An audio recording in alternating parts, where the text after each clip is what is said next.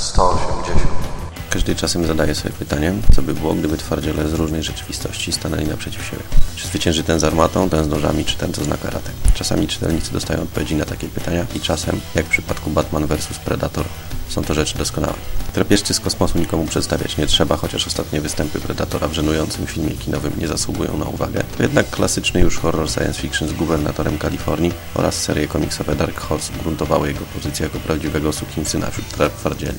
Człowiekiem, który odpowiada za pojawienie się Predatora w Gotham jest Dave Gibbons, scenarzysta i rysownik, a także wielokrotny laureat Jack Kirby Award. Jest to wizyta z hukiem i przytupem. Wszystko zaczyna się według znanego z filmu schematu. Z kosmosu przybywa mistrz, żądny nowych wyzwań, które rzuca najsilniejszym ludziom miasta. Przecież trudno tu mówić o wyzwaniach, bo kosmiczny łowca szlachtuje ich po kolei lub jak określa to stary trener bokserski, ścina jak zboże. W krótkim czasie jego ofiarami padają mistrz wagi ciężkiej i jego niedoszły pretendent, potężny gangster. Dopiero pojawienie się Batmana stanowi dla mistrza pewnego rodzaju wyzwanie. Roczny rycerz wychodzi z tej pierwszej potyczki pokiereszowany jak rzadko. Oglądamy go w jaskini, gdzie leży zabandażowany od stóp do głów, pilnie pielęgnowany przez Alfreda, podczas gdy Gotham ostatecznie uznaje go za zmarłego, bądź za tchórza, który uciekł.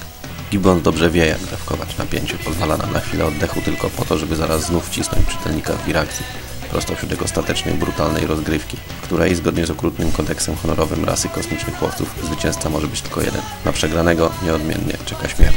Nazwisko Kubert w świadku komiksowym zobowiązuje, a bracia Andy i Adam stają tu na wysokości zadania. Polskiemu czytelnikowi znani są doskonale z kilku serii wydawanych przez TM Semik, ale z tą ich pracą naprawdę warto się zapoznać. Rysownik Hinker nie na co dzień zdarza się, że pracują razem. Taki manewr przyniósł rewelacyjne efekty doskonale uzupełniają się w pracy. Precyzyjna, bardzo szczegółowa, realistyczna kreska Andiego doskonale pasuje do klimatu opowieści, który jest w końcu horrorem science fiction. Wspaniale oddana jest broń i wyposażenie drapieżcy. Detale ubiorów i kwipunków, zaś zbroja Batmana użyta w finałowym pojedynku jest mistrzowską wręcz wariacją na temat stroju nietoperza. Gotham przewijający się w tle zmagań między nietoperzem a zabójcą z kosmosu jest mroczne, straszliwe, najeżone maszkaronami i skąpane w deszczu. Do tego dochodzą wspaniałe, ręcznie nałożone kolory Sherlin van Walsenberg, stonowane, nastrojowe, wysmakowane i inteligentne. W warstwie barw przypominają trochę kolory Malville Hill z rozbitego miasta, są jednak w odróżnieniu od tamtych nałożone z głową. Niestety w polskim wydaniu sporo straciły ze względu na kiepski papier i nie najlepszy poziom druchu. Jest w tej opowieści wszystko.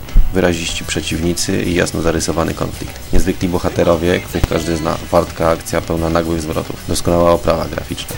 Batman vs Predator to najwyższej klasy komiks sensacyjny. Gdy przewracałem ostatnią stronę, pomyślałem wręcz, szkoda, że to już koniec. Więcej takich komiksów, bo to przykład porządnie wykonanej pracy. Czegoś, co każdy czytelnik doceni. Pozdrawiam. Godaj.